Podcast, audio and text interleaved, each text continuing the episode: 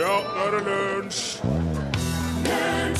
Og denne dagen i dag, den 24.11.2016, er det 23 år siden jorda skulle gå under, ifølge den ukrainske sekta Det hvite brorskapet. De tok jo åpenbart feil. Eller gjorde de det? Bandet heter Rascal Flats, og låta heter Life Is A Highway. Hei og god formiddag, du lytter til Lunsj på NRK P1. Mitt navn er Are Sende Osen.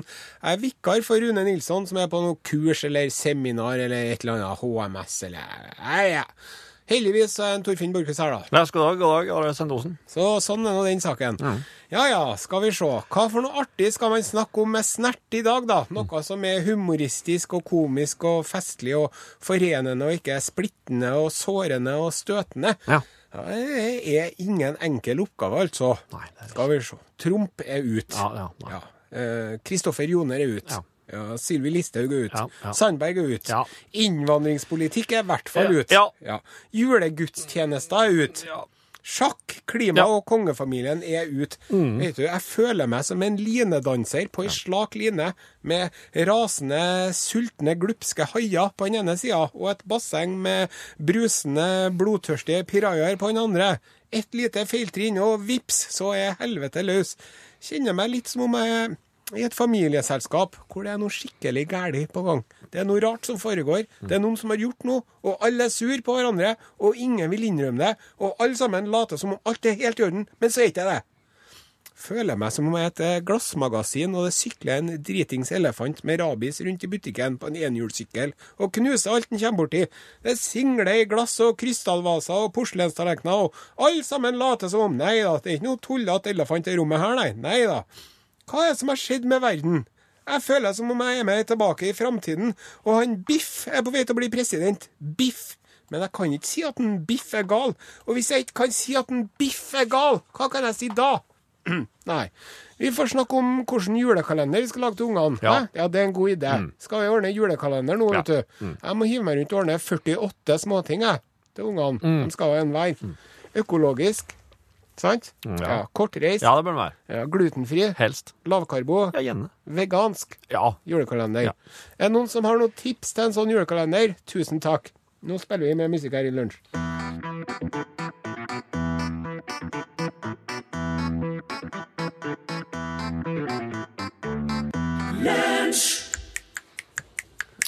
Der. Åge Aleksandersen, hvis du ikke liker den låta der, da er du vrang. Ja, Leve av livet. Hva heter saksofonisten i sambandet, Are Ja, det burde jeg visst. Eh, Men eh, som spilte har sånn- inni der? Altså, jeg har sånn uh, vansker med navn, skjønner du, Torstein. Ja. Mm. Jeg har hørt om det, Arne. Ja. Uh, nei, altså han eh, Han heter Bjørn Røstad. Ja. Ja. Og han spilte Han var en periode med i Bjølsen valsemølle. Akkurat. Hørte du om det bandet? Eh, Før han ble med i The Hawks. Ja, nettopp. Haukane! Ja. I 1978. ja. Og den gruppa, The Hawks, de reiste på norgesturné med Terje Tyskland Ja. i 1979. ja. Og da den, eh, da den, den gjengen kom til Trondheim, da ble Bjørn Røste att der. ja. For traff å vel bli et med i- kvinnfolk, da, sikkert. Mulig. Hvem vet. Da ble han eh, en del av Sambandet. Mhm. Og da var han med i Sambandet til den ble oppløst etter Eldorado-turneen i 1989. 6! 86, ja. Og når starta Sambandet opp igjen? I 1994. 2003. Nettopp. Men det som er poenget, er at eh, han Bjørn Røstad han er jo en del av Altså her til lands så er han en av dem som har helt saksen høyt. Og, eh, og gjort saks til allemannseie, musikalsk sammenheng. Ja. Eh, akkurat som Clarence Clemens har gjort det. For uh, The E Street Band og Bruce Springsteen. Nettopp, nettopp. Eh, og det her var jo 80-tallet. Ja. Da var jo saksen et Den hadde altså, det var det gylne tiåret for saksen, var ikke det? Ja, men kanskje en faktisk kan si at det er saksen like mye som synten, som er 80-tallssymbolet. Og eh, så kom 90-tallet. Så kom Kenny G. Ja, med pannflytta si. Ja, ja det er, det Nei, er, det er nei, nei, nei. Kenny G er òg saksofonist, okay. men han, han har altså eh, Han har vel gjort sitt til at den her litt sånn glatte, smoothe jazzen, saksen i jazzen, den, eh, den saksofonen som kanskje egentlig ble spilt mest på, eh, på synt, Ja. den, eh, den øyla litt, da. Jeg tror eh, saksofonspillere over kloden rundt forbanner Kenny G. Ja, jeg har, jeg har jo Han har inntrykk av ødelagt det. mye for dem, tror jeg. Ja, han har gjort mer eh, Hva kalles det? Mer skade enn gavn. Ja, det er han. Eh, men så er det at når du har et så Når du har et så kraftig og potent instrument som saksofonen, Ja. så er det ikke bare Det, er ikke bare én fyr med, med En gammel fyr med grått hår som spiller kjedelig musikk, som, som, som kan ødelegge det. Nei. Å nei. Nei, det, Det- du kan ikke holde en god Nei. ting nede. Nei, det går altså ikke an. Så, eh, så saksen, den vil alltid komme tilbake. Mm. Den har kommet i mange bølger, og, eh, og det, det, er, det er ikke slutt på det enda. Eh, Her kommer et godt eksempel på, eh, på en ny, en ny saksbølge. Det her er Ariana Grande og Iggy Azela med låta Problem. Og den her, den starter med Prøv gjett. Saksofon! Yep!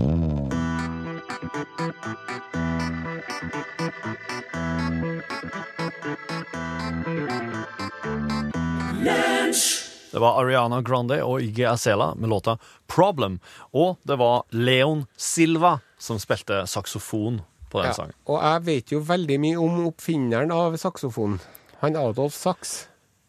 Adolf Sachs. Ja. Han heter En belgier som fant opp, eh, han fant opp både saksofonen og saksotubaen og masse instrumenter. Men det får vi ta en annen gang. OK. For Ja, nå- nei. Det, er- det er fast, er anledning. Ja, det vet jeg allerede nå. Ja.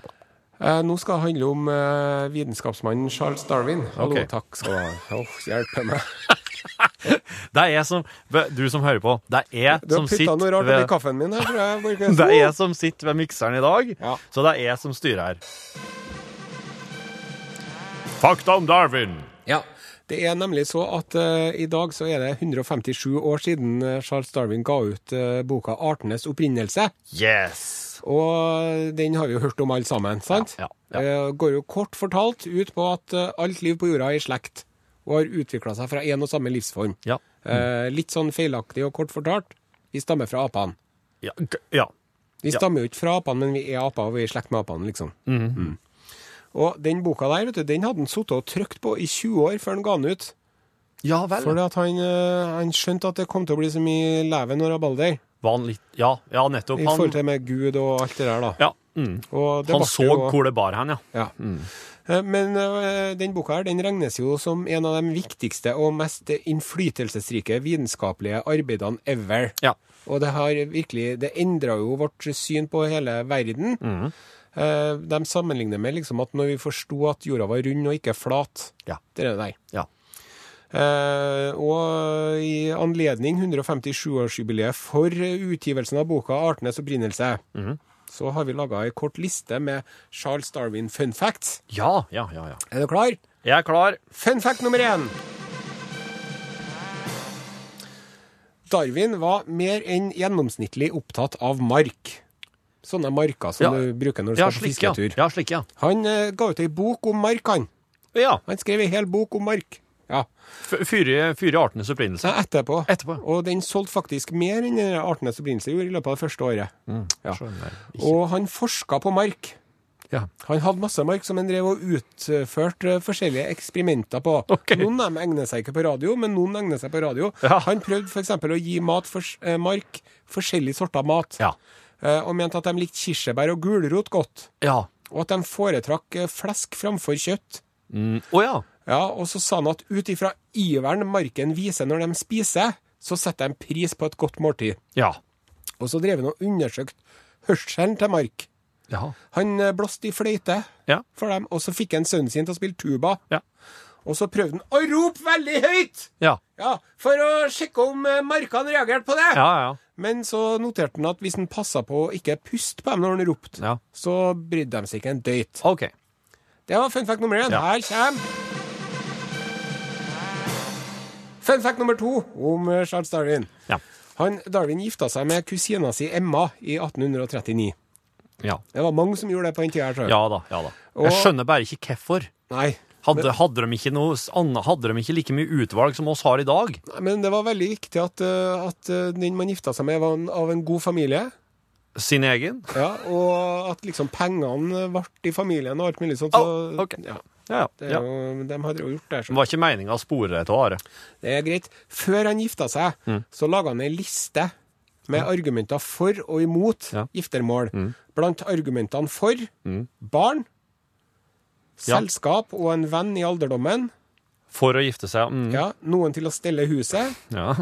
Sjarmen av musikk og kvinnelig chit-chat. ja, det skal, ja, absolutt. Et godt kjerringemne den tida. Kunne jo gjerne spille piano eller eh, harpe eller et eller annet sånt. Ja, harp. Og, og så noterte han 'bedre enn en hund', i hvert fall. ja. Mm. Det var et av argumentene for.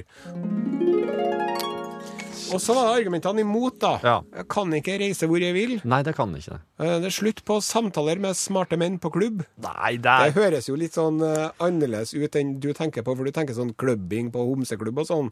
Jeg tror ikke det var det. jeg, te, jeg tenker ikke nødvendigvis på jo, det så jeg på øynene dine med en gang, tenkte du. Ja, Darwin skulle på homseklubb, tenkte du, men det var ikke det. smarte menn Det på sånn å sitte i en sånn lenestol og røyke en sigar og snakke om filosofi og alt mulig sånn. Ja, nei, det var ikke det jeg så for meg. Nei, Nei, nei. nei jeg så for meg lær. Og så hadde han mot utgiftene og angsten forbundet med barn. Det, han det et, skjønner jeg. eh, Det skjønner jeg. Et, dualt syn på det med barn. Ja. Så ting er bra, men det er også noe, noe galt med. Mm. Det kan jo kjenne oss igjen i, altså. Og så var han bekymra for overvekt og latskap. Om det her var overvekt og latskap til kona, eller at han sjøl skulle bli overvektig og lat. Det vites seg? ikke. Nei. Mindre penger til bøker osv. skrev Ja. han opp. Ja. Heldigvis så ble det til at han gifta seg, til tross for at lista mot hadde 13 punkter, og lista for bare hadde 7. ja. Neste fun fact. Here we go. Han Darwin han elska å spise spesielle dyr. Var han i den kategorien, ja? Ja, og når han var student i Cambridge, så grunnla han en gourmetklubb gourmetklubb hvis formål var, sitat, å spise fugler og dyr hittil ukjent for den menneskelige gane. Ja vel, ja. Så han spiste blant annet storkefuglen rørdrummer. Jaha. Den heter det på norsk. Og så spiste han en liten slags eh, struts ved navn fjellnandu. Hauk, Ja. forskjellige biller. OK. Og så elska han å spise kjempeskilpadde. Jaha. Armadillo. Beltedyret, Ja, det det sa han smakte omtrent som and. Oh. Og puma, ikke skoa, men den amerikanske fjelløven, den smakte overraskende likt kalv. Ja vel. Men ugle, det likte han ikke. Ugle, nei. Nei, ugle den smakte faktisk så heslig at Darwin klarte ikke å ete opp ugla si når han fikk det den gangen. nei vel. Det her var altså vår korte og konsise liste over Charles Darwin fun facts. Vi takker for oppmerksomheten.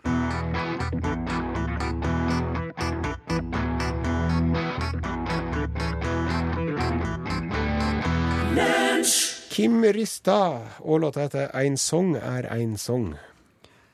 Eh, Jeg skal tenkte jeg skulle fortelle Are om en eh, fransk arving som uh, arva et hus. Eh, historia her sier, si ingenting om hva slags relasjon det var mellom den avdøde og arvingen. Nei. Men En grandtante, ja, en grandonkel, sikkert. en grandpère. Hva er det for noe? Skjønner bestefar. Skjønner du pas. Ja, Grand-Père. Det kan hende.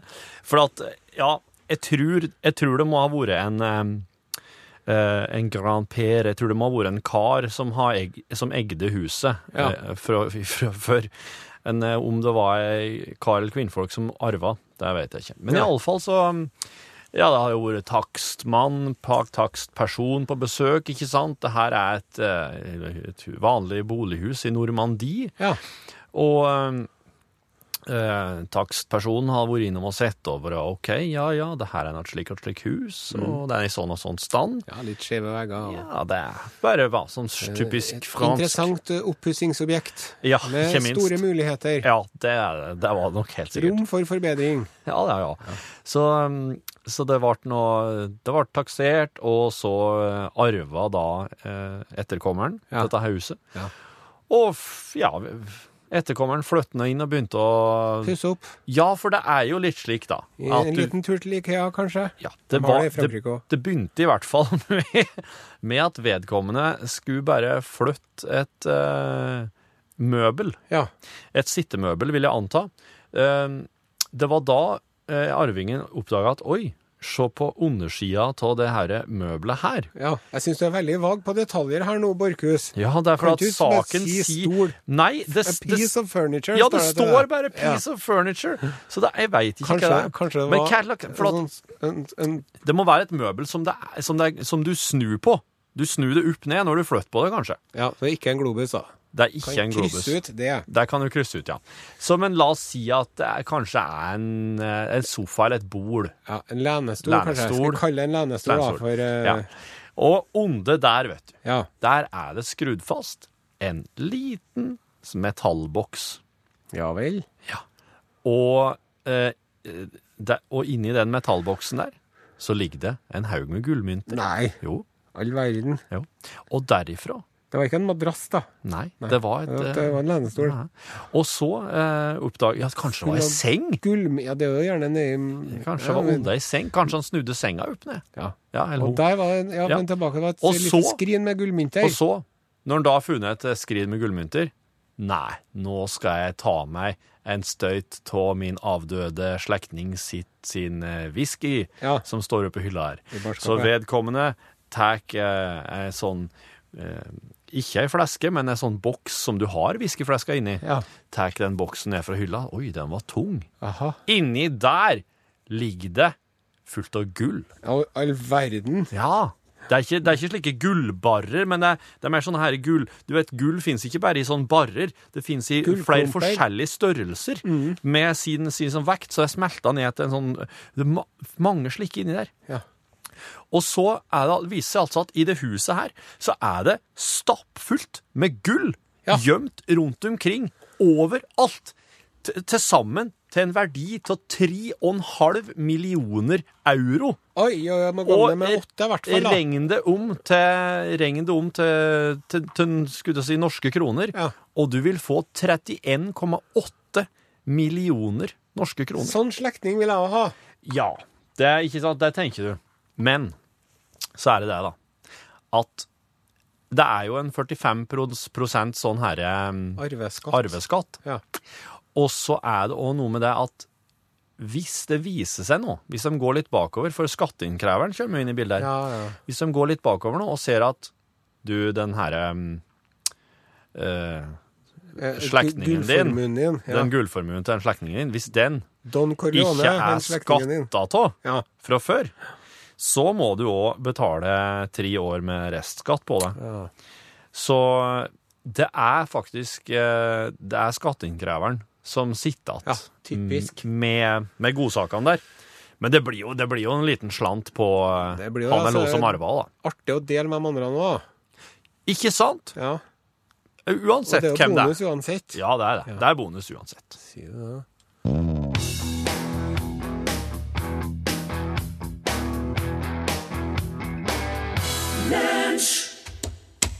Hei!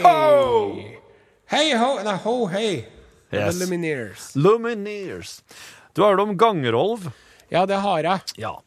Og det er jo både et, eh, et sagn, en mytologisk figur, og så har du faktisk eh, Gangerolf, eh, som var en vikingehøvding, eh, sønn av Ragnvald Mørejarl. Nettopp. Eh, og ja. En, en virk, du, du har en Gangerolf som er en, er en mytologisk figur, og så har du en Gangerolf som er en virkelig figur. Det Ja, kan være litt forvirrende. Er det er der. litt sånn imellom at det, det, det fantes en fyr som het for Gangerolf, Ja, stemmer. og så er det han andre Gangerolf som vi leser om. Og Ja. så er en, vi, sannheten en plass imellom, kanskje. Nei, eh, nei sannheten, er, sannheten er helt over på han faktiske Gangerolf oh, ja. ifra, de, som de tror kom fra Vigra. Øya Vigra i eh, Ålesund. Ja. Eh, øya Vigra i Ålesund. Nei, utafor Ålesund. Nå er jeg nå De blir ganske sur, de ålesundingene, hvis jeg sier det. Eller vigri- vigervigrøyinger. Men eh, det er Møre og Romsdal, kan vi si det? Så er vi, er vi, har vi det på det tørre? ja, ja, ja. Iallfall. Um, det, det, er, det er jo en um, Det har jo vært litt sånn spekulasjoner om Gangerolf. For Gangerolf, han, han um, han var svær, han var diger. Ja. Han måtte gå, for han kunne ikke ri på hest, for det var ingen hester som klar, klarte å bære han. Nå må vi jo nevne her at hestene var jo litt mindre den gangen Ja, enn ja, i dag. Ja, ja. Men lell, så var han jo Han var ikke noe pingle, da. Hestene var mer som noen sånn border collier Ja. i gamle dager. Det var jo ikke alle som Det var jo bare de minste folkene som kunne ri. Uh, ja. De var jo 1,27 Var, jeg høye. vet, det var derfor han for Gangerolf, ja. Ja. For at han var så svær. Han måtte gå. Ja. Han måtte gå. Og eh, det er Det er nemlig slik at i Normandie så var det en som heter Rollo, som var en vikinghøvding, Ja. som styra. Ja. Eh, I noen Det er Gangerolf, det. Det er mange som mener at det var Gangerolf. Og at Harald Hårfagre rett og slett sa til Gangerolf at du har gjort så mye ulovlige strandhogg langs kysten, og plyndra du nå her i landet der jeg styrer, at du blir landsforvist. Yes. Du får ikke være her i landet lenger. Nei. Da mener folk at eh, Gangerolf fra Vigra gikk til eh, Frankrike. Eller seilt med, med en båt, kanskje, da. Eller seila, kanskje. Ja, kanskje Ja, det er snarere det. At han, var med, han kunne jo være om bord i en båt. Han var så stor at båtene kunne ikke bære han. Nei, han var ikke slik. Men eh, så ja, at han for til Normandie, slo seg ned der, og at han er da opphavet til den her Rollo. Grunnleggeren av eh, Lene Normandie. Ja. Det er jo en utrolig fin plass. Nordmann, ja. die. Ja, for det er nu, altså danskene mener vel i stor grad at eh, han Rollo var etterkommer av en eh, dansk konge. Ja. Eh, Det er jo sånn med de skandinaviske landene at vi alle sammen Det er liksom det er vi som er de originale vikingene. Ja, ja, det Men det. det er jo Alle sier det. Mm. Det er jo en blanding. Ja, det var det. Og så var det slik at han vikinghøvdingen Rollo, da, eh, han fikk jo mange, mange etterkommere. Og eh, eh, Rikard den første og Rikard den andre og Wilhelm erobreren var visst en av dem. Ja. og, og, og de i Frankrike, da, så har de ment at de har hatt eh, skjelettene av både Rikard den første Ja. og Rikard den andre. Ja.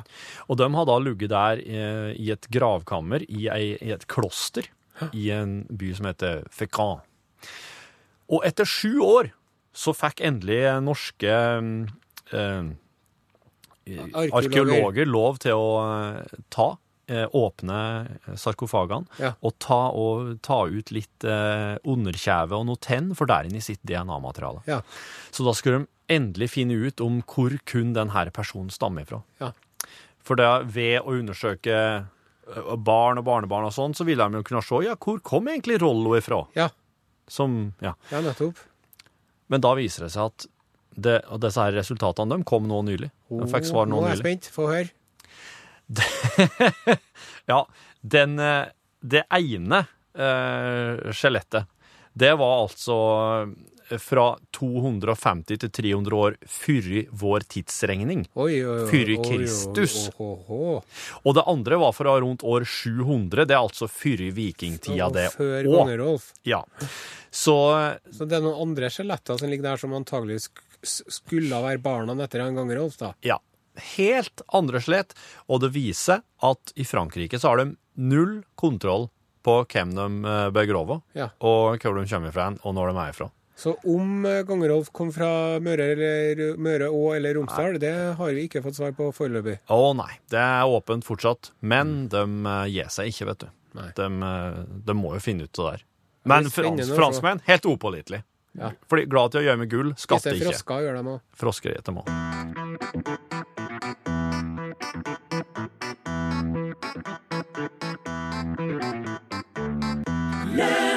Rita Eriksen med sangen 'Vil du ha ei hånd'.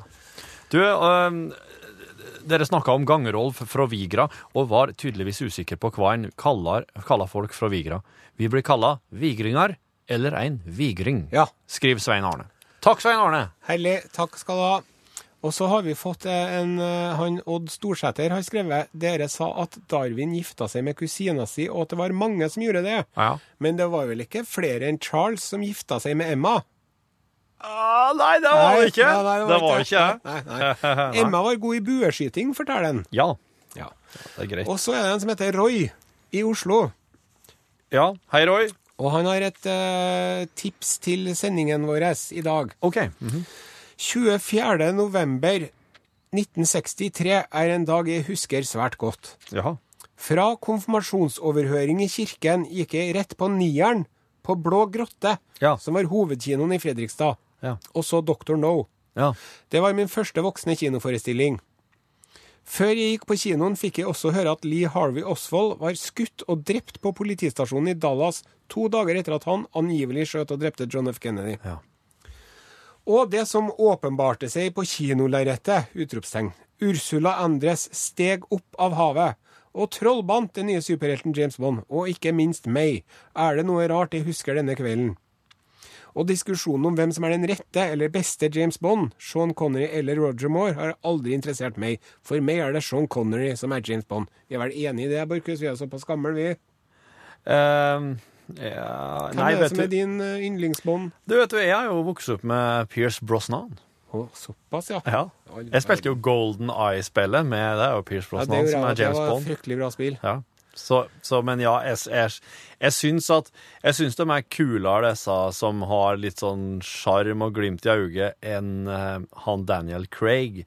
Og, han er og, og han. Timothy Dalton jeg skjønte ikke Nei. hva som var greia med. For at de er så De blir liksom ikke De har ikke noe De har ikke glimtet, Jeg syns Bond må ha det. Ja. Jeg synes jo, Mens vi snakker om det, så syns jeg at han Austin Powers han eh, ødela gleden med James Bond godt og grundig. For meg, i hvert fall. Ja, jeg jeg- klarer ikke å se på det uten å synes det er komisk. Jeg tror det var Austin Powers som gjorde at de måtte få inn en som Daniel Craig. En sånn humørløs, plaga Bond. Ja. Bare for å bryte med disse sjarmørene. Han, han James Bond nå han ser ut som han spiser veldig mye sånn riskaker med peanøttsmør, spør du meg. Det er liksom, når jeg ser på han, Daniel Craig. Ok. Iskake med peanøttsmør. Oh, ja. Han ser ut som en eh, sånn bodybuilder. Å ja! Er det bodybuilding-kost, ja? Men Men ja. tilbake til brevet fra Roy i Oslo. Ja, ja. Jeg skrev 'angivelig skjøt og drepte'. Det finnes jo mange konspirasjonsteorier. Å ja. En er nevnt i Aftenposten på tirsdag den 22., altså i forgårs. Ja. Altså på den datoen JFK ble drept for 53 år siden. Ja. Se vedlegg, sier Roy. Å. Men når jeg skrev ut det vedlegget, så ble sida helt svart. Det er sensurert! Ja. Men uh, vi sier nå takk til deg, Roy. Det var veldig hyggelig at du sendte oss. Uh, og, og hun Ursula Andres husker jeg godt sjøl. Ja. Hun Halle Berry, vet du. ja. Når hun, De tok jo liksom og gjenskapte den scenen. Stemmer det. Det er jo Ursula Andres-inspirert scene, ja. Så det hell. Ja. Mm. Vi setter på mer musikk. ja. Det her er kjempe Det her er min favoritt Fatboy Slim-låt, tror jeg. Praise You.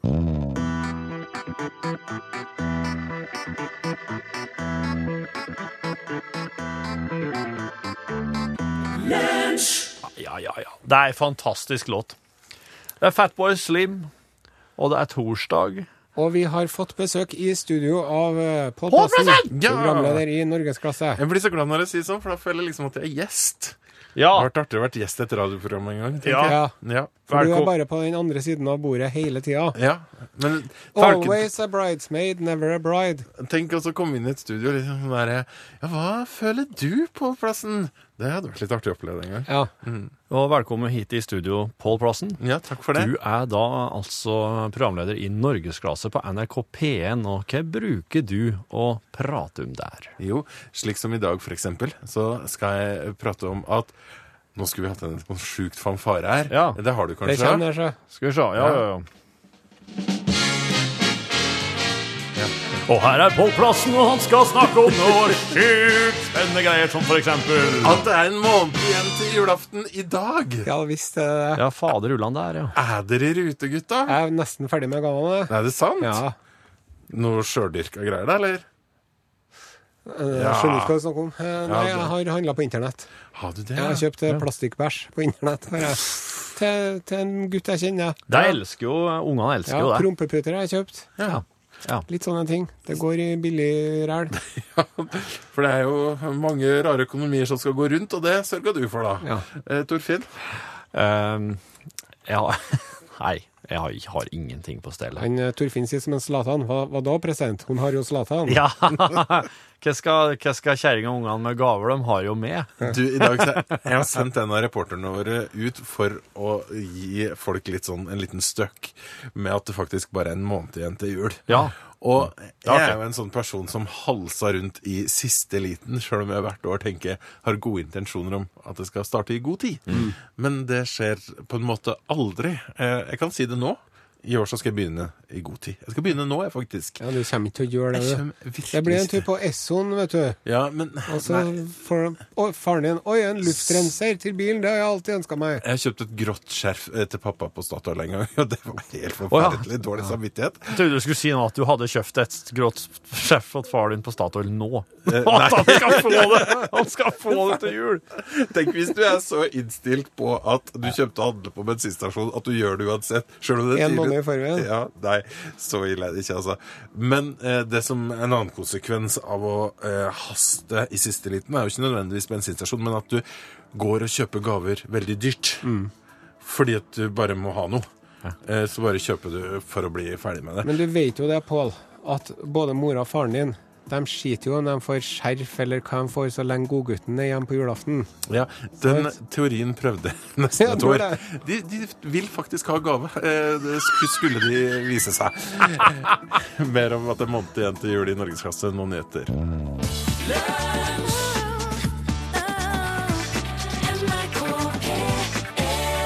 Din syke fyr. Nå går jeg og henter kaffe, og når jeg kommer tilbake, så er det podkast. Greit? Ha. Ja. Yes, okay then. Hello there.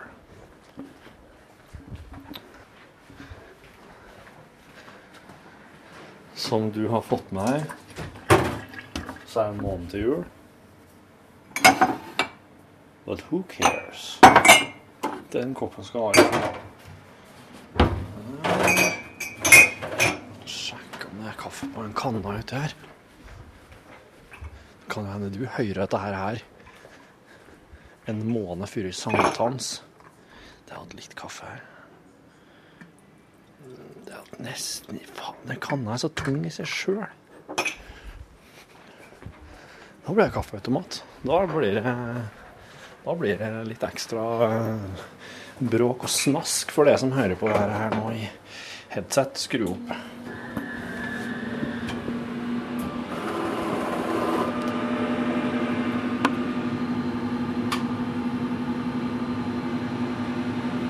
Oh yeah. Okay.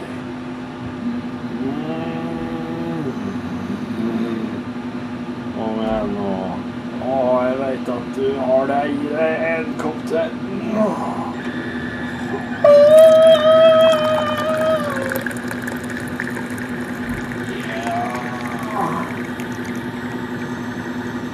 Ok.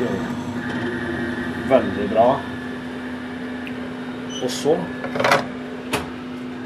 den usynlige svarte koppen min. Jeg setter inn den svarte koppen. Jeg trykker på knappen. Please place cup. Nytter ikke. Please place cup. Så nå må jeg helle hånda mi innafor der, og så trykke. Ja, der var det en kopp. Men det er ikke en kopp, det er ei hånd. Han tror det er en kopp.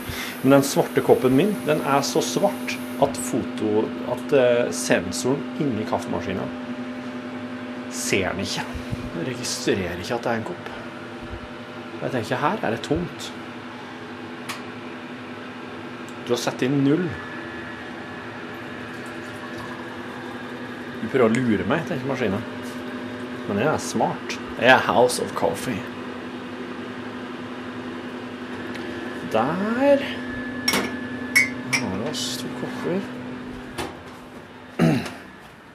med kaffe. Så har jeg en trønder på kontoret. Til sammen ble jeg bonuspodkast. Og det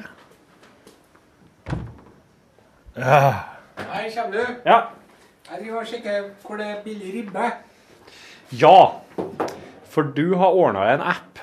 Jeg har to apper.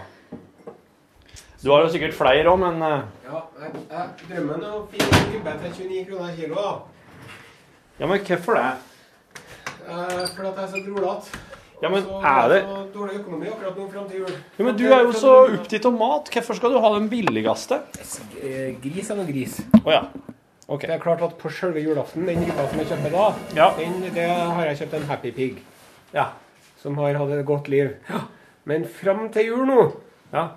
så må jeg jo spise meg litt lei av ribbe på forhånd. Er det slik du gjør det? Ja, Og så har jeg funnet en jævlig kul oppskrift som heter rillett. Hva for noe? Eh, rillett. Ja. En slags sylte. Ja. Da tar du eh, noe sånn billig grisekjøtt med Ja. mye flesk. Ja. Nakke eller knoke eller eh, ribbe. OK. Mm. Og så må du ta av svoren, da. Ja. Skal du krydre det godt med sånn nellik og pepper og Du hvitløk gnir feitet inn med det her. hele stykkene. Mm, Og så skal du brasere det eller steke det på ganske lav varme med litt eplesider eller vin. Du, hva er brasering nå, da? Ja, sånn langtidssteking. Med sånn væske under Ja, i ei form ja, ja. i langpanne? Ja. Så skal du steke det i tre-fire timer på 120 grader, liksom. ja. Og så skal du plukke ut beina, så skal du bare blande det sammen. Så skal du stappe det oppi en eh, tomt syltetøyglass og helle litt fett oppå toppen. Ja. Og så har du en slags sånn deilig sånn posteiaktig syltelignende greie. Å, Ja. oi! ja, det er jævla digg. Syltepostei? Ja, en slags syltepostei, ja. En leverpostei uten lever. Og jeg er klar over at er leveren er jo ikke det beste i leverposteien. Nei. Nei. Det er jo det andre. Ja, så nå er jeg innom og sjekker, og jeg ser at de har en på Coop Prix har en. Tynnribbe. Det er jo tynnribbe som gjelder. Ja. For at Du skal ikke ha dere familieribba, for der er det med en hamburgerrygg som bare blir tørr som en skosåle. Ah. Men den er krydra Ja. med sånn E-stoffer og alt mulig sånn, så jeg vil ikke ha det. Nei. Jeg vil ha naturell. Ja. For at jeg er skeptisk til sånn ferdigkrydra mat. her, så. ja. Mm, enig. Um, Det er mye bedre å krydre sjøl. Det Ja. blir bedre smak. ja, det blir det. Men jeg kan jo godt eh, legge fra meg den eh, litt for å lage podkast med deg, da. Men du eh, jeg, det her er, jeg har jo blitt utrolig mye mer interessert i mat, og spesielt når det gjelder de store måltidene rundt tradisjonshøytidene våre Ja. etter eh, førre jul. For da eh, kunne jo jeg, annet ved hjelp av det, diske opp med både kalkun og ribbe, og alle syns at det der var den beste kalkun og den beste ribba ever! High five! High five! Ja, for du fikk en ribbeoppskrift til meg i fjor, du. Ja. Ja, Den kan jeg Det godt dele med lytterne her og nå. Ja. Mm. Og det er jo bare tull å drive og snu denne ribba. Du skal ikke gjøre det i hele tatt. Ja, ikke sant? Du sleng, det som jeg gjør med ribba, Ja. jeg deler den opp. Hvis jeg har en ribbe på tre kilo, da, Ja. som er like stor som en Grandis omtrent, Ja. så deler jeg den opp i en tre-fire biter. Ja. Fordi at da får du mer sånn overflate som blir utsatt for den eh, varmen. sånn at det blir sånn Det kalles for Maillard-effekten. Oh, ja. Når, eh, når eh, proteinene blir sprø. Ja. Det er derfor at jeg ikke syns det er så godt med sånn helstekt entrecôte, f.eks. Ja. For at helstekt entrecôte, da er den sprø og deilig på utsida. Mm. Ja. Og så skjærer du skiva, der er det litt sånn rødt, og det er jo godt, men det er like godt at det er litt sånn stekt på den sida. Ja. Så derfor liker jeg at ribba skal være delt opp i mindre biter. Og den Ja. blir ikke tørr likevel, for ribba blir jo ikke tørr. Nei. For den er jo så feit. Ja. Så del opp ribba i en tre-fire biter. Ja. Hver bit eh, kan jo være på en størrelse med et par-tre sigarettesker. OK. Du, du, det er jo egentlig en porsjon. Nei, kanskje Nei, litt større enn to eller tre porsjoner. Hver bit er på to eller tre porsjoner? Ja. ja skjønner. Og så tar du og gnir inn det med salt og pepper. Ja. Og så tar du den langpanna, og så legger du løk nedi der. Og heller på med litt kokende vann. ja. Og så legger du ribba oppå med, med svoren opp. Opp. Og så pakker du godt inn med folie. Ja. Det må være tett. Det er viktig. Aluminiumsfolie rundt hele ribba. Ja. Alle, alle Nei, hele, hele formen. Hele form- forma, ja. Formen skal være liksom Å ja. Eller det skal være sånn at det er et lokk over da, som er tett. ja. Så du skal ikke ha det rundt forma, men du skal ha det oppå og over. ja. Og, det og innunder kantene. Ja, tett. Og så setter du inn i ovnen på 120 grader i ja, fire-fem timer. Ja. Mm. Og ta seg tida, ja. Ja. Og så Ja. tar du og tar av og setter den på 200 grader i en time eller to. ja. Og da, jeg, da må du følge med på at det ikke blir svidd, men at det blir sprøtt og godt. Ja. Så vanskelig er det. Så det med at, den, at det er så vanskelig å få den svoren sprø, det er egentlig en sånn en sånn illusjon som vi har gått med på alle sammen. ja. At det er så vanskelig å få ribba. Og det er så, å, det blir så spennende om vi Ja. får til svoren. For alle sammen får til svoren. Du er jo helt fullstendig bak mål. Hvis du ikke får til dette med svoren, da er du idiot. Da er du idiot, da. ja. Men Da er jo blir, nei, men du får ikke lov til å lage mer ribbe, for du, du får ikke dette her. er sånn, du- Får du til å trekke ei pølse, får du til å lage potetmos av pose, Ja. da får du til å lage sprø. Ja, men jeg tror da at det hender seg at folk svin Ja, At de har på for mye varme? ja det, er ikke, det er en ting man kan gjøre. Og så så jeg også han Hellstrøm, vet du. Ja. Som jo er en av uh, Han er jo en av Norges beste kokker, uten tvil, og Ja. en av verdens beste kokker, Ja. faktisk. Ja. Han hadde en oppskrift, jul med Hellstrøm og greier. Og da hadde han sånn på den beste ribba med svor, det var at du skulle legge eh, ribba opp ned i et uh, hav av sjalottløk og gulrot og forskjellige greier. Men det har jeg, der må jeg få lov til å arrestere Eivind Hellstrøm. Ja. For det er jo sånne sukkerstoffer i både gulrot og løk ja. som setter seg inn i svoren. sånn at når du da skal snu svoren og få den svidd, så er det det sukkeret her som gjør at det blir svidd. Så det må du ikke gjøre. Oh, ja. Hvis du skal, da må du ikke snu den. Men du, hvor, hvor er logikken i at ei, snu, ei ribbe som ligger på hodet med, altså med, med svoren ned, skal bli sprø? Det kan Ja, nei, det er meninga, for det som er, er at den svoren skal bli Den skal være veldig fuktig. Ja. Svoren skal bli kjempefuktig. Ja. Og så, når du snur den, ja.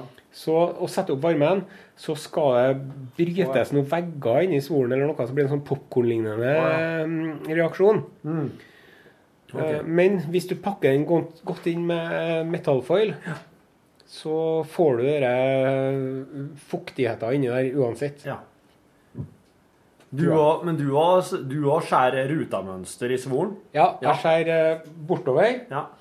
Vannrett, loddrett, diagonalt og diagonalt andre. Oi! Ja. OK. Med den skarpeste kniven jeg Så har. du og får små trekanter, du. Ja, bitte det som skal. Men også det som også er veldig lurt, Ja. og det er jo ofte sånn Selv om du går til en ordentlig slaktebutikk Ja. og får dem til å rute svoren, Ja. så må du passe på at rutene er i samme veien som beina. Ja. Som ribbeina. ja. For at det er ikke noe vits at eh, du har eh, ruter i svoren som går annen vei enn ribbeina. For da når du skjærer, så kommer du til ribbeina, da, så stopper det. ja. Sånn. Det er veldig viktig. Jeg gikk litt hardt ut med folk som ikke får til å få svoren sprø i sted. Jeg skal Du ta sjølkritikk og moderere meg litt, for at det kan jo skje ting. Det var ingen som ble krenka. Nei, det, Det- nei, det var- skal, det var du skal ikke- ikke si det. Skal, det skal du ikke si. I denne gjengen er det ingen som blir krenka. Nei, det er bra. Eh, men du, Ja. eh, ja, da kan jeg samtidig tipse deg om eh, hva det var jeg brukte for å få perfekt kalkun, hvis du er interessert i det. Ja. For det, det var nemlig Gordon Ramsay. ja vel. For Gordon Ramsay har en sånn fin liten 8-10 minutters sak på YouTube der, han, eh, der det er sånn Jules og Gordon Ramsay, noe jeg ikke vil ha vært med på for øvrig, men jeg kan godt være med på det på YouTube. Ja. Eh, der viser han ned til minste detalj hva han gjør for å få en perfekt kalkun. ja. Og, Og- den ble perfekt. La meg få spørre. Ja. Skjærer han av lårene? Steker han lårene og brystet hver for seg? Nei. For det har han Hellstrøm sagt òg, skjønner du. Jeg, jo, jeg har jo et veldig ambivalent forhold til den store Hellstrøm. Ja. Han er en gudsbenådet kokk. Ja. Og så har han, kan han innimellom ha litt sånn ufyselig vesen. Det må jeg få lov til å si. Mm. For jeg har jo opplevd han på nært hold under de kokkekonkurransene jeg har vært med på på TV. Det har du gjort, ja. Ja. Ja, stemmer. Så jeg er ganske sånn brysk og Ja. morsk og øh, framfus fyr. Men det er jo veldig kokke... Er ikke Ja, det veldig kokkete? Jo, det er det. Dere kokkene, sant? Det er jo sånn at det er jo femi å lage mat. Det henger, det henger igjen. For det der Ingrid Espelid Hovig og hun, hun Julia Charles og alle de der. Så de, de, de, de er nødt til å kompensere Ja. ved at de går med hvite klær og ser ut som de er hjelpepleiere. Mm. Med å tatovere seg og kniv og Alle de kokkene, når de tar bilder av seg sjøl, Ja. så driver de enten står de og kvesser en kniv, Ja. eller så driver de med noe flambering og noen flammer og noen greier og sånn. Og Det er fordi de vet at egentlig så holder de på med et jævla kjerringyrke. Men så er de sånn Nei da, se på alle tatoveringene. Dødehode Ja. her, Ja. og dolk her, og Ja. hjerte her, og alt mulig sånn. De ser ut som sjømenn. Ja, de ser ut som litt sånne femi Ja. homosjømenn som prøver litt for hardt å framstå som hetero. Ja, for de, de, er de vil jo ikke stå der og piske Piske, stivpiske eggehviter. Ja, for Nei. Men de gjør jo mye av det. Det må de De gjøre mye av. stivpisker eggehvitene, og så tar de gelatinplater og oppløser i vann og visper inn Ja. i eh, Så det er mye sånn dall. Ja, ja. Og så har de sånne poser med sånn, liksom, sånn blitt, blitt, Ja, klemme, sånne Ja. små sånne rosetter sånn. Oi, oi, oi, oi. Hei, hei, hei! The phone is ringing. Is that my mother on the phone? It is my father. OK. Hei, du. Hei. God dag. Du, kan jeg ringe deg opp om lite grann? Ja, ja, ja, ja. Greit, det. Ja. Det var det sånn det ja. My father called for me High Mountains. Hello. Hørte banjomusikken i bakgrunnen. Ja. han, Og en eh, gris som sto og hylte. Grisen vet du, står og hyler helt til den blir slakta. Og da Og slakteren, han skrek Det skal bli kotelett og flesk Og grisen Nei, det var slakteren, sier Har. Du, hva var det du sa i stad om at eh, Hillary eh, og, og gjengdemokratene skal telle om at noen elektroniske stemmer? Ja, jeg er jo eh, veldig inne på eh, den amerikanske valgkampen. Jeg har vært veldig opptatt av den i hele høst, Ja. og spesielt etter at det gikk til helvete.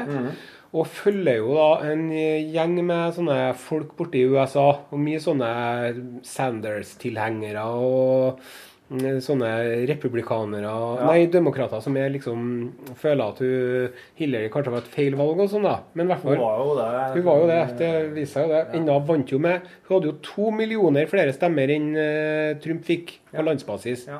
Men hun fikk jo ikke nok sånne valgmenn, da. Nei. Men nå er Forbanna system. ja.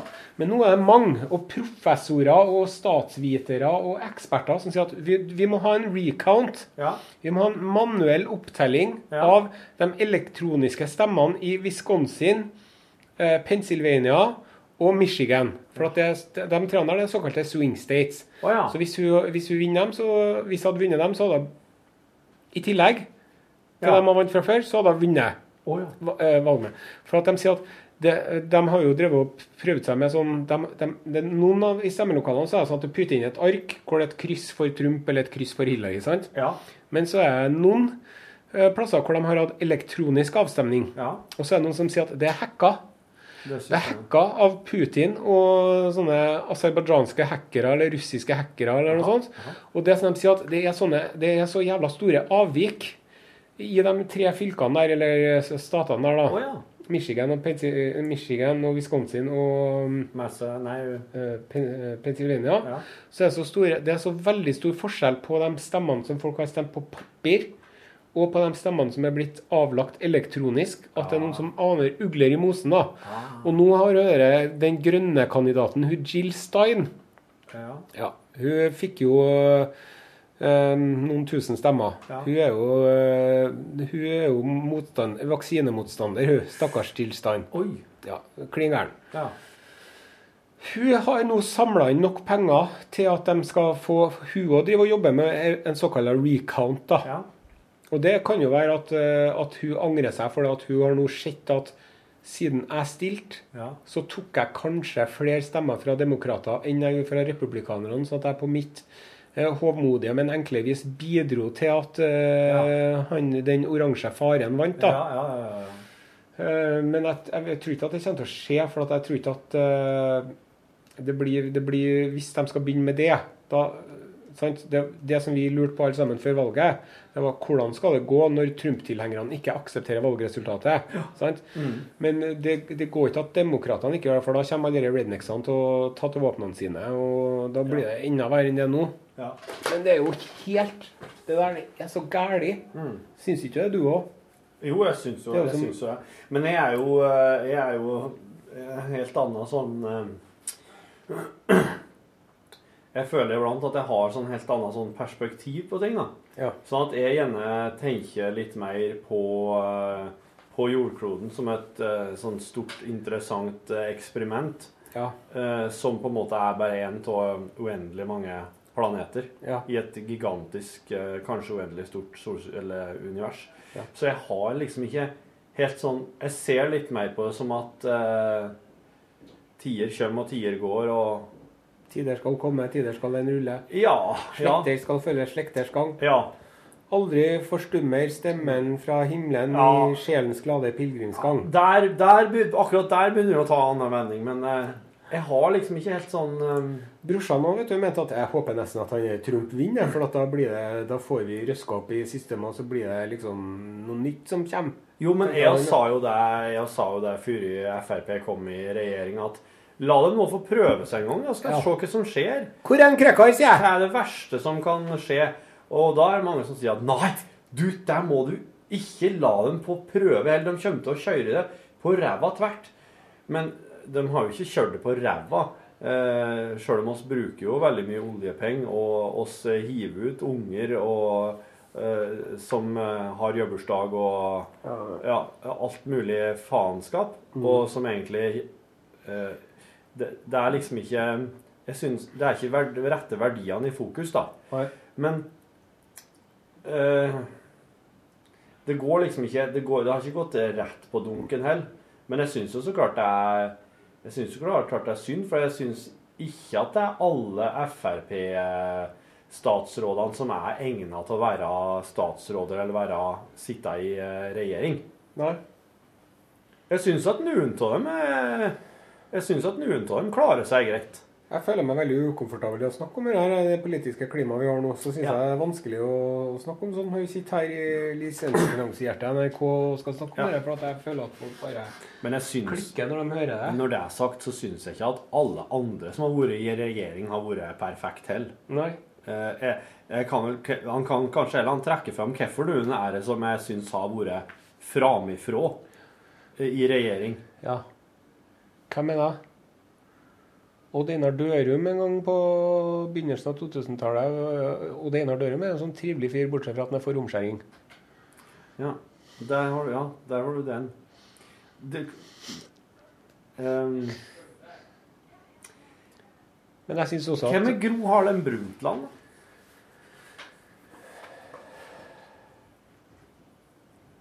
Jeg husker ikke nok. Nei. I min tid så syns jeg kanskje at ehm, han godeste Han som var Han som hadde tre sånne statsrådposter på en gang, på det verste. Solheim. Ja. Erik Solheim. Han, eh, han er en sånn en som eh, En sånn en som du kan velge til å styre, men som kanskje egentlig er litt sånn en som eh, kanskje ikke nødvendigvis oppsøker makt heller, men som blir verdinnere fordi at eh, folk skjønner at han der er for bra til å Ja. Ja, Jeg vet ikke. jeg. Jeg orker ikke å snakke om politikere. Altså. Jeg bare får helt eh, Da skal du få slippe! Jeg tok et godt tak rundt lårene hans, Are. Og der bruker jeg å gjøre bare for å få endra fokus litt. Ja. Leser du noen bra bøker for tiden, da, Borchhus? Yes. Eh, akkurat nå så venter jeg på eh, den sjette boka i Expans-serien. Ja. Ja. Er det så bra, ja? Nei, det var, ikke, det var ikke så bra den siste nå, for Nei. der hadde de splitta opp gjengen, og eh, Ja. at de var på, på hver sin plass i solsystemet alle i hop. Ja. Expans-serien er jo en serie skrevet av to forfattere under ett navn. Ja. Um, James eh, A. S. Corey. A. Corey. ja. Og det er da en science fiction-serie som handler om eh, eh, Vi vil si En sånn kreftsvulst som bare vokser og vokser. Jeg leste den første boka her. Ja. Da var det, sånn, det var sånn biomasse over hele romstasjonen.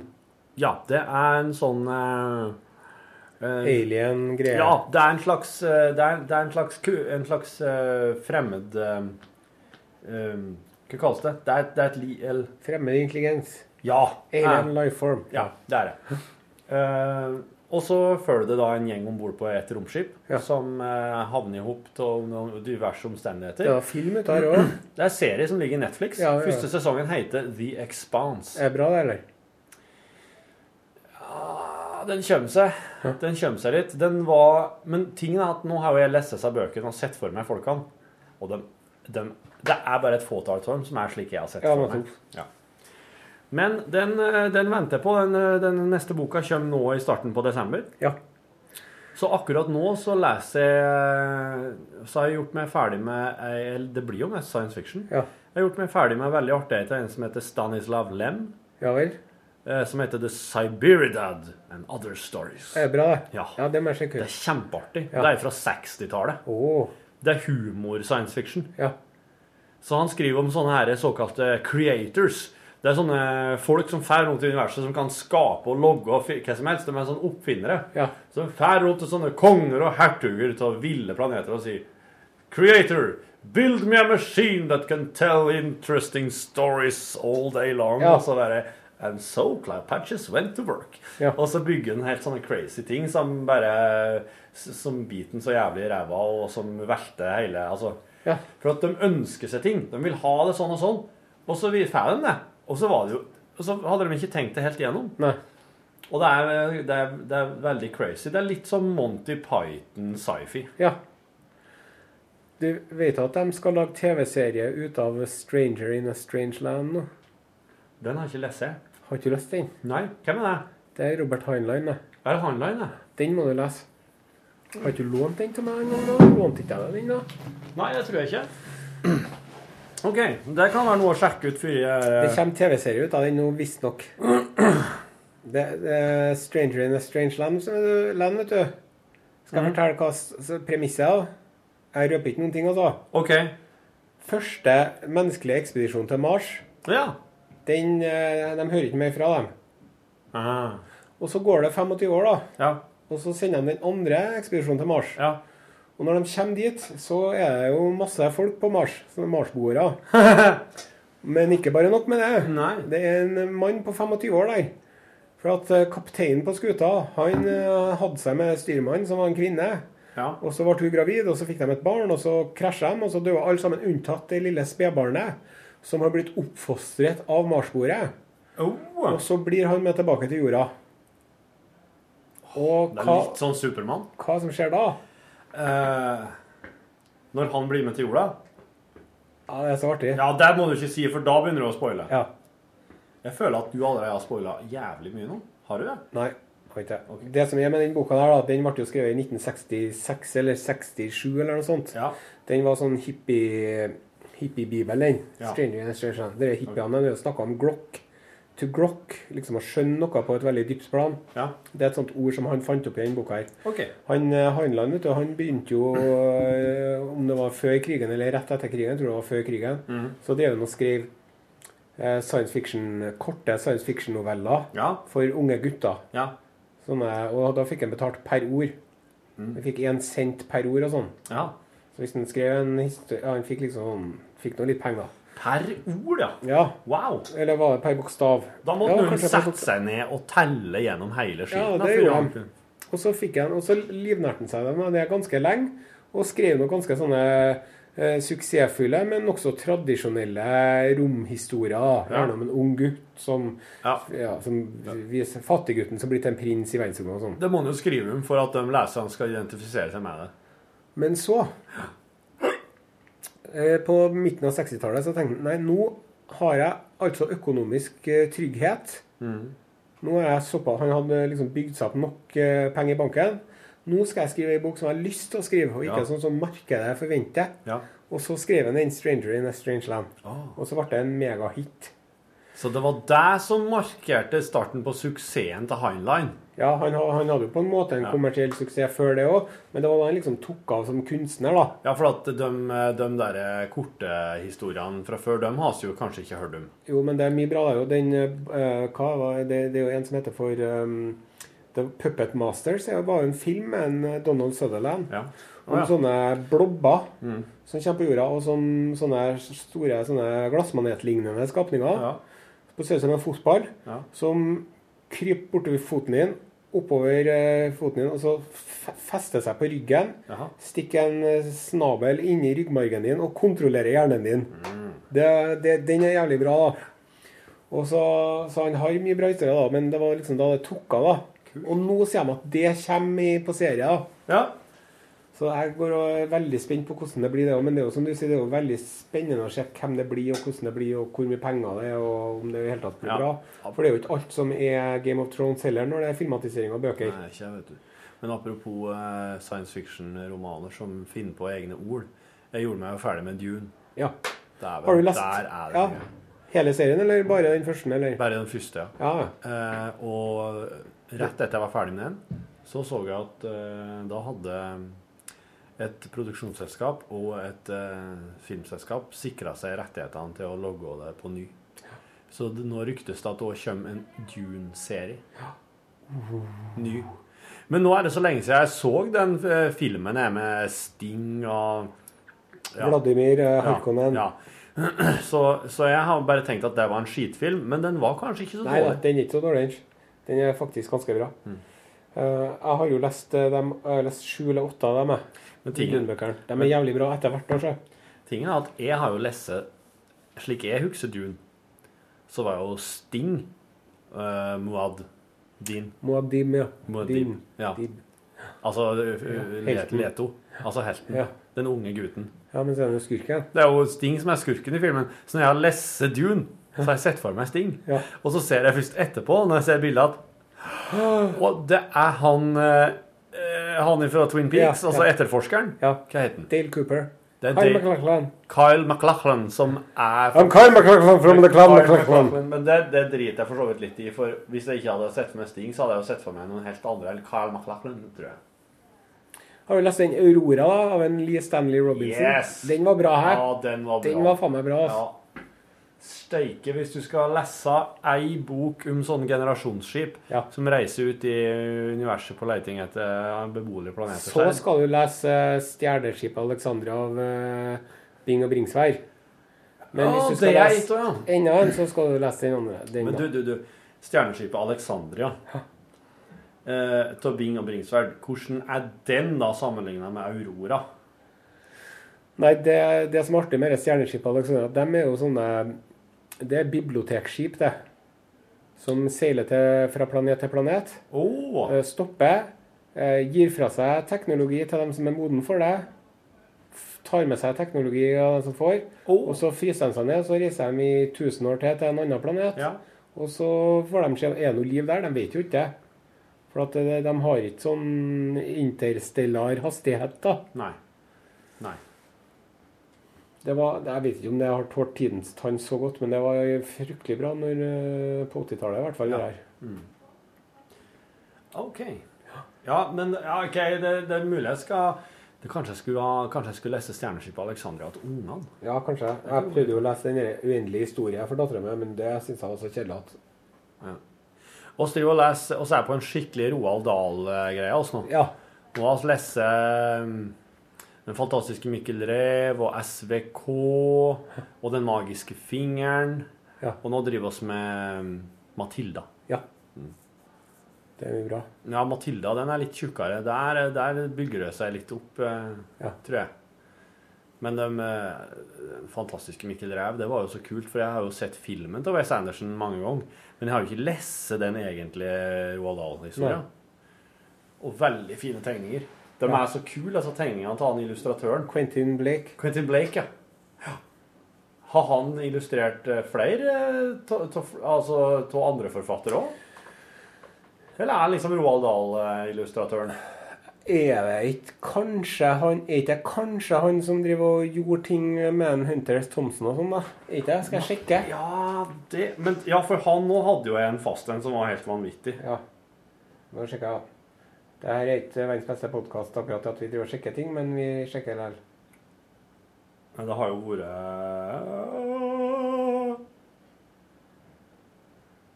Ja. Nei, det er stort sett Roald Dahl, ja.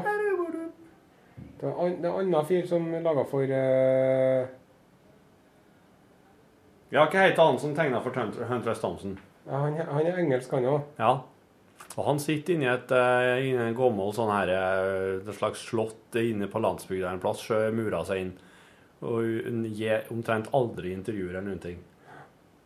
Ralph Steadman. ja. Ralph Steadman, ja. For han er jo ei legende, han òg. Vi prøvde å få han til dokumentarfestivalen, sjø. Ja. Han så jeg og spiste uh, mat sammen med en, uh, han Anthony Bourdain. Oh. Anthony Bourdain har kommet med en eh, Han har en sånn TV-serie som heter for um, eh, at han, Jeg husker ikke Han drar og reiser rundt og bare Han lager ikke mat lenger, han bare spiser. Ja. Så han var i London ja. den dagen de stemte Han var på opptak de tre dagene de, de meldte seg ut av EU. Brexit. Ja. Og da måtte han dra til Nigella Lawson og få trøstemat, for han hadde vært på bar og drukket seg full kvelden før. Ja. tar han Nigella og lager sånne, en tomatsaus med posjerte egg. Eller hun, hun lager en tomatsaus og så klekker jeg oppi. Jaha. Og så har hun riva parmesanost over der igjen. Ja. Så driver han og glefser i seg det. òg. Men da er han på besøk til Ralph Steadman og spiser sånn noe innvoller eller noe greier. da. Det vil jeg tro, ja. For han høres litt sånn ut at han er sånn skotsk høylands... Parts eh, Unknown heter det TV-programmet her. Ja. Er det bra? Ja, det er ganske artig. Men når du sier at hun Nigella Lawson klekker egg oppi tomatsuppa, Ja. Mener du da at hun bare tar råegg og, og så slipper oppi? Eller er det Ja. Det oppi tomatsuppe? det er ikke tomatsuppe, eller det er med en sånn tomatsaus sånn som du eh, Hvis du steker litt løk, så har du oppi en boks med tomat, så koker jeg litt, og så har jeg klekka eggene oppi der, sånn at de blir litt bare sånn At de bare liksom småkoker litt oppi der. da. Og så litt eh, parmesan på toppen. Ja, og så driver han og dypper brødbitene oppi eggeplommen og slamser i seg og greier. Høres ut som en slags sånn matvariant av Bloody Mary. Ja. Og så i den serien her også finner en jo en pub i London som ikke er sånn kjede. For nå er nesten alle pubene i London er jo sånn, de har det samme overalt. Ja. De har sånn ostesmørbrød og kyllingsmørbrød og Ja. kyllingnuggets, og det er veldig sånn, Ja. alt er laga på forhånd. Ja. Men de eh, klarer å dra på en pub hvor de har eh, Hvor de lager maten sjøl. Da Da er de og spiser sånn skotsk egg. Ja. Et egg Ja. som blir bløtkokt. ja. Og så skreller de det, og så ruller, pakker de det inn i, kjø- i grisekjøttdeig. Og så ruller de det i brødsmøla, og så friterer de det. Og når du tygger egga, så renner også sånn eggeplomme nedover kjakka di. sånn. OK. Det er noe mm, sånn smått erotisk med det, altså. I hvert fall så vet jeg at du reagerer veldig positivt på det når jeg, når jeg får egg, eggeplomme i skjegget. Og... Når du får det, liksom. Du har jo det hele tida, du. Ja, jeg, last, jeg har ikke veldig mye nå. Jeg trenger ikke bartevoks, jeg bruker eggeplommer. Ja, ja, det er jo en del mat i skjegget, det er jo det. Nå Det er jo den derre The Twits av Roald vet du. Har dere lest den? The Twits? Nei. Det er et sånt forferdelig ektepar som driver og klisser lim på trærne, og så når fuglene kommer og lander, så tar de og tar fuglene og lager pai ut av dem. Jaha. Så det er en ape som uh, ridder dem og sånn. Men de har skjegg, da. Så der har han et sånn lang, uh, lang eh, tekst om stå- det står hvor heslige de er med folk som har skjegg, og hvor uh, ekkelt det er med matbitene. Og så har han sånn nærbilde av skjegget til han ene fyren her. Oh. Der er en bit egg, og der er en bit ansjos, og der er en bit brød, og der er litt smør. ja, Og det, de er, det, han, han er aldri sulten, han fyren her. For hver gang han er sulten, så tar han bare og stikker ut tunga si og bare slarper i seg en liten matbit i, som henger fast i skjegget. Ja, jeg kjenner, jeg kjenner følelsen. Altså, Roald Dahl, han må ha hata folk noe så jævlig. Fy faen som han må ha hata. Sitte og hata. For at han har eh, det, det, altså, Jeg tror det kanskje det er litt det som gjør at han slår han så vanvittig eh, blant de yngre òg. For at han tillater seg å framstille dem som noen forferdelige demoner, altså de Ja. voksne. Nasty folk. Dere, dere bøndene i Mikkel Rev, f.eks. Ja, dæven. Han ene som er lang og tynn og bare drikker sider, og han andre som er feit og ekkel og bare spiser gris, og hva de holder med, alle sammen. Han er min vesle som bare spiser kylling. Ja. Heslige folk. Bogus buns og bean. Ja. Ja. Og de bare, de bare kjefter på han og kjefter ut alle og er Ja. skrekk- ja. ja sånn nasty og ekkel. blodtørstig. Ja. Eh, Han Dahl, vet du. Ja. Han eh, fant jo opp eh, Har du hørt den sangen med Jeg snakka med det på radioen, men jeg tar det likevel. Ja. Dere High As A Kite har en sang som heter Golden Ticket. ja. Boy, can you hear me now? I got a golden ticket. Og Golden Ticket, Ja. det er jo et Willy Wonka. uttrykk. Det er fra Willy Wonka. ja. Og Gremlins, det var han som fant på Roald Dahl? gremlinger. Gremlinger? oh, ja. Det er sånn uh, ut, uttysk i maskineriet. Ruske maskineriet. Det er gremlins. Oh, ja. Seks ord er som i eh, Som er skrevet inn i engelske dictionary, som han fant, fant på. Ja. Golden Ticket, Gremlins og så fire ord til som jeg kjempa i farta. Ja. ja. Så det var Men han, han hadde han var, sånn, han var litt sånn Han var litt sånn kald, han han stakkars Roald Dahl. ja. Han hadde veldig vanskelig for å vise eh, følelser overfor ungene sine. Mm. Men han klarte å vise følelser overfor barnebarna sine. Det har jeg hørt òg, ja. Mm. Men han, han var veldig sånn Det var veldig mye sånn regler og sånn, visstnok. Ja. Og så hadde han jo mm, eh, Ja, for hvis du forstyrra han ute i skrivestugu der, da var jo 101 ute, tror jeg. ja. Så mora var jo norsk, sant? Mora til Roald var norsk. Ja. Men faren var engelsk. Og faren, når faren var liten gutt, Ja. så datt faren ned fra et tre. Når far til Roald Dahl var liten gutt, ja, så datt far hans ned. Faren til en Rådal datten, ja, Faren var norsk. Han kom fra en sånn by nede på Sørlandet. Ja, Larvik, heter ja det. Ja, slik, ja. Faren datt ned fra et epletre. Når Ok. Roald var liten, Nei, når faren til Rådal var liten. ja, da datt faren ned fra et epletre. Og så knakk han armen. Ja. Og så kom landsbylegen. Ja, Dritings. ja. Og faren til Rådal hadde jo knekt armen, men landsbylegen hadde fått det for seg at faren til Rådal hadde fått skuldra ut av ledd. ja. Så han tok tak i håndleddet og satte foten inni armhulen og begynte å trekke, for han skulle liksom trekke på plass Ja. eh, ja. Og dermed så måtte de amputere eh, De måtte jo skjære Han faren til en Rådal han hadde mista hånda mellom albuen og håndleddet. ja. Så faren til Roald han var handelsreisende eller noe sånt, når han for omkring, så hadde han en Han hadde med seg en gaffel. En spesialgaffel som han hadde fått kvessa på ene sida, sånn at den fungerte både som en kniv og som en gaffel, for han hadde jo bare ei hånd å spise med. OK. Stik. Ja, ja. Det var, det var, Det var det. det var far til Roald Dahl, eh, fun fact, med Are Sendosen. Takk Og Torfinn Borchhus, takk for at du var vikar i dag. takk for at jeg fikk komme. Og eh, du som hører på podkasten Jeg kommer nå tilbake før vi vet av det. Ja, Siste for- uka før jul skal vi røpe det for våre lyttere. Det gjør oss. Ja. For podkastgjengen så gjør oss det. Uke 51. Da blir det Are og Torfinn. Ja. Da blir det, da blir det julesjanger. Ja. Nytolkninger til sådanne. Og så skal vi snakke om en Adolf Sachs. Adolf Sachs, ikke minst. Og så skal oss eh, Det blir vel noen jule, slags juleevangelier, og sånn, og vi må Mat, bare ta ut. Vi snakker om eh, de forskjellige kulturelle impulsene som har preget julen slik vi feirer den i dag. Skal få en liten pekepinn på det og helt på tampen her nå. Ja. Romerne, vet du, Ja. de driver og pynter trær. Ja, de gjorde det. De tok dem ikke inn i stua, men de pynta trærne ut Der de sto, ja. Ja. Røten. med stjerner og sånne so små soler, små gule rundinger og julekuler og sånn. Ja. Og så for de rundt og sang på en måte en slags julebok. ja. For rundt i gata og sang, bare at de var dritings og naken. Ikke sant? Like greit at vi ikke har tatt akkurat det. Ja. Og så får de, men de får ikke ropt 'god jul' til hverandre, men de får og ropt 'Yo, Saturnalia'! Yo, Saturnalia! Wow. Gjorde de. Det blir en liten julerapp, om andre ord. Luft, lufter yo, her. yo, Saturnalia, Ja. yo. Ja, Jeg skal ha en beatmaskin oppå her. jeg. Ja, det blir fint. det her. All right. OK, det er mye å glede seg til òg, altså. Det gledes. Yo, lo, lo, god tilstand. Si god tilstand, du, nå. God tilstand.